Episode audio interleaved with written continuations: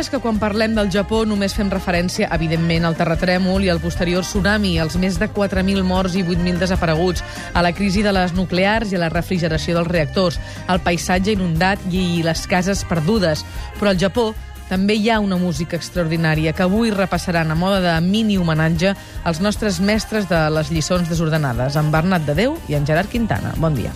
Bon dia. Bon dia.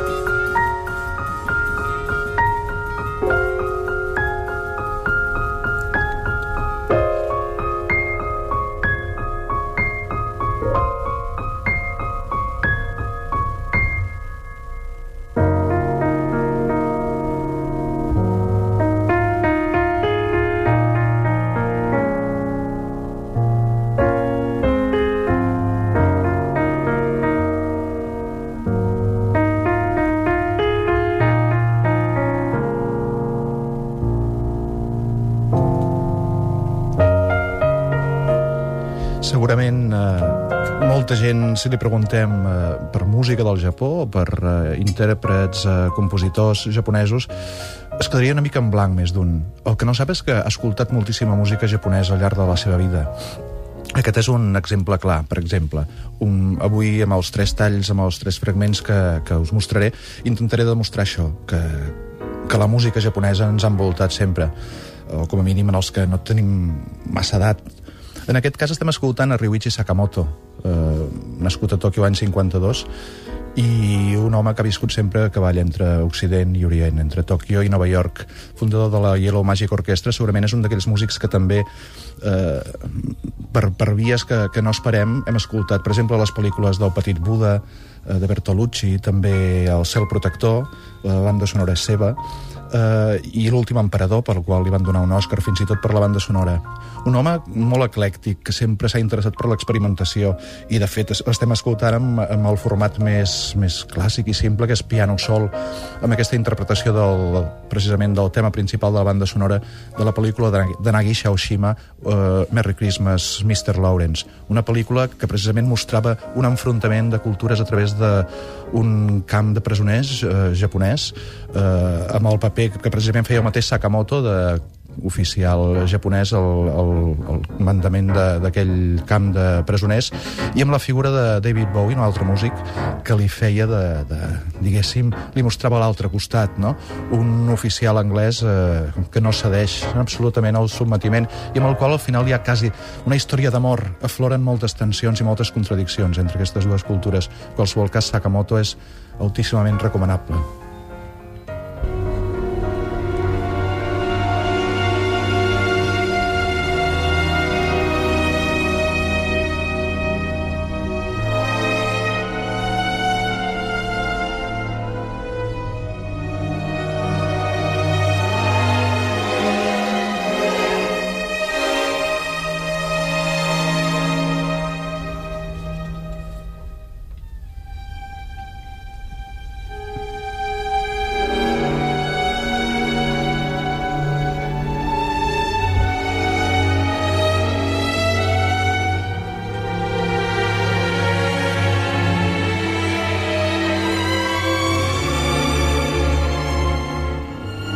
Bé, el que ha dit el, el Gerard de la música japonesa val també per la música mal anomenada clàssica del Japó. És molt indicatiu que des d'Europa desconeguem tant, no només les tradicions del Japó, sinó la música japonesa. I com deia el Gerard, també hem sentit moltíssima música clàssica japonesa, encara que no ho sapiguem. Per exemple, si jo us parlo d'un paio que es diu Fumio Hayasaka, segurament no el coneixereu, no. però si us parlo d'una música fantàstica dels Set Samurais, de Ran, etc etc de les pel·lícules de Kurosawa, sí, que són unes bandes sonores sensacionals, doncs moltes vegades hi caureu. No? És una pena que molta música que disfrutem no sabem, el, vaja, no en, en sapiguem els, els intèrprets i els protagonistes. Aquesta música sensacional que esteu escoltant és, jo diria, el fragment més famós del que, de ben segur, és el compositor japonès més reconegut del segle XX. El seu nom és Toru Takemitsu i aquesta peça es diu Requiem for Strings, Requiem per a cordes, i és una peça que va escriure l'any 1957 i, de fet, va ser la peça que li va donar fama internacional i el va convertir, potser, en el primer compositor de música clàssica japonesa que aconseguia un reconeixement a escala planetària. Um, bé, eh, la història d'aquesta peça és molt curiosa. L'any uh, 1957 el Takemitsu es trobava uh, a l'hospital curant-se d'una tuberculosi. De fet, ell va dir que quan va escriure aquesta peça estava escrivint el seu propi rèquiem, ho recordo, n'hem sentit molts, però el rèquiem és una missa de difunts que acostuma a ser cantada amb cor i amb solistes. Aquesta peça és només per cordes, com indica el seu nom. No? Mm. Llavors la Filarmònica de Tòquio li va encarregar una peça quan ell era un compositor que havia fet apenes un parell de bandes sonores i alguna cançó, però en qualsevol cas era un compositor conegut.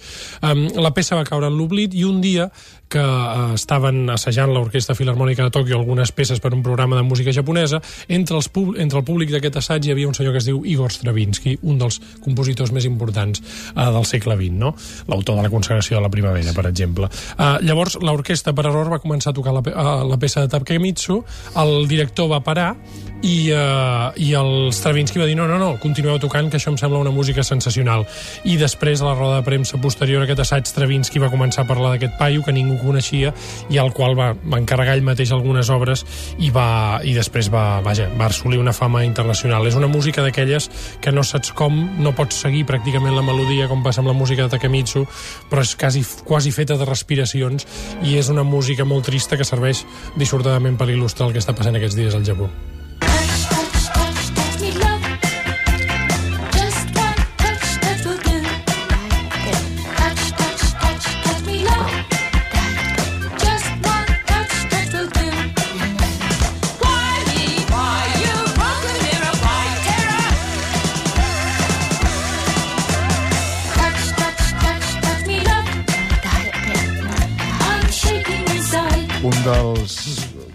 Segurament un dels homes més famosos de la música moderna, John Lennon, no?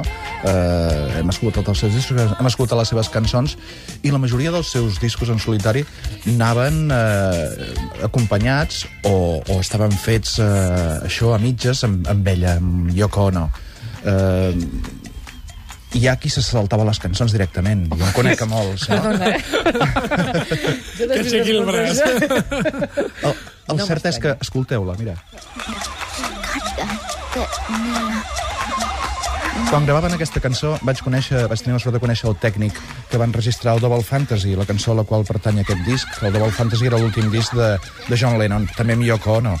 Eh, resulta que quan estaven gravant aquesta cançó el John Lennon es va posar en un racó de l'estudi que no el veiés ell a través del vidre de la peixera i començava a cridar i a riure. Crida com un gat! She screams like a cat! I es pixava de, de riure, no?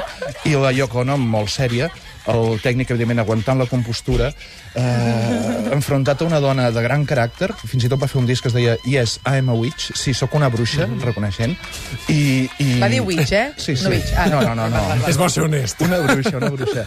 I d'alguna forma, doncs això, el personatge més histriònic del món japonès que tenim. el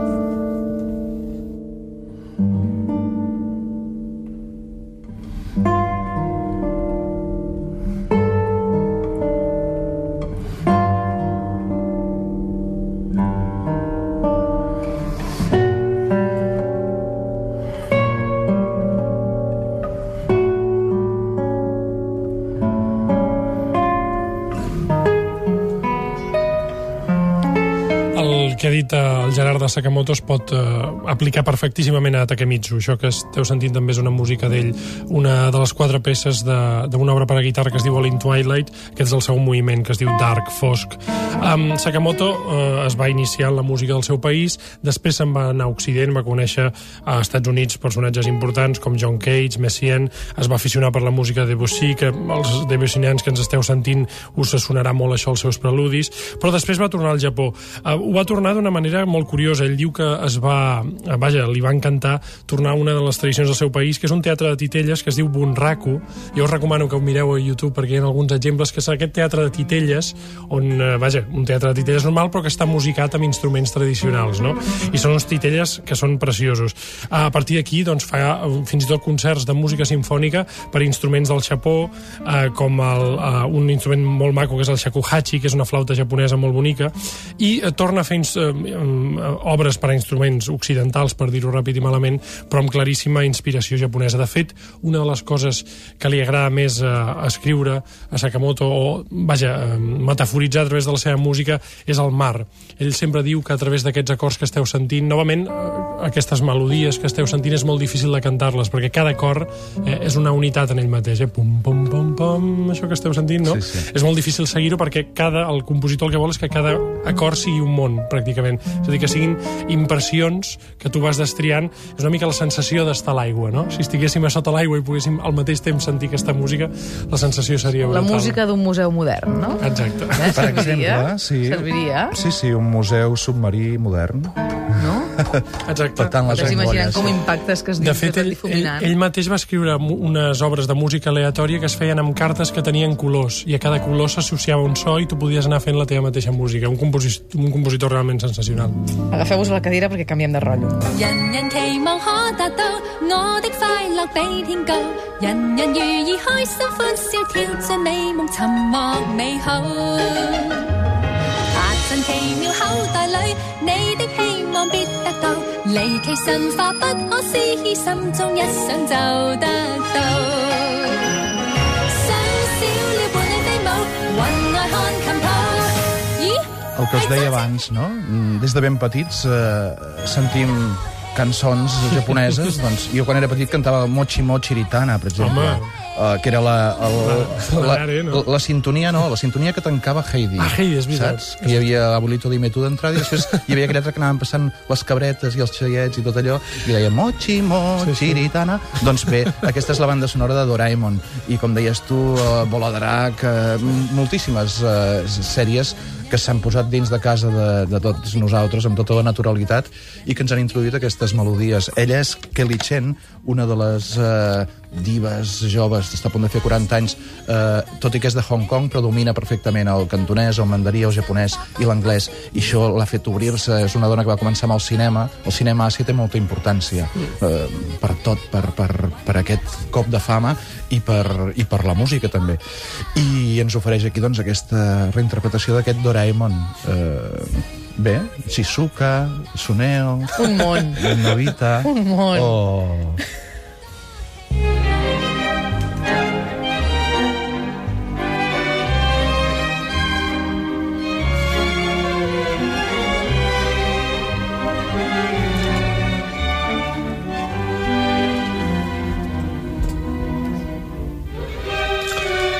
Em permets aquest vals? Home, serà un plaer. Mentre vaig uh, dir, eh? Si, si no et miro els ulls és que estic uh, consultant el meu... És el, El guió. el vestit, això, eh? El que deia, el que deia el Gerard també novament s'aplica a Takemitsu. Ell ha escrit més de 100 bandes sonores. Aquesta és per una pel·lícula del Hiroshi Teshigara que es diu The Face of Another, una pel·lícula que no va tenir molt èxit, però que en, en aquest cas la música va superar, uh, va superar el film. És un vals, uh, una de les moltes partitures que va escriure el Takemitsu. La banda sonora potser més aconseguida és la de Ran, que és una pel·lícula absolutament bestial del Kurosawa. I um, primer va començar a escriure-les com molts compositors per guanyar-se la vida, però després hi va posar el millor del seu art. Eh, cal recordar novament una cosa molt òbvia, i és que la música feta per cinema és una forma d'art fantàstica, és a dir, que els compositors que escriuen per bandes sonores no són, eh, vaja, eh, molt me menys importants que els que sentim als auditoris. Esperem que quedi ben poc perquè el que ens torni a arribar del Japó siguin inspiracions com les que avui ens heu portat avui. Nois, moltes gràcies i fins la setmana que ve. Que vagi molt bé. Vinga, no, no falleu, eh? No fallarem. I no em trepitgis, eh? Ho faig bé, no, per això? Molt bé. Una pausa pel butlletí i tornem de seguida.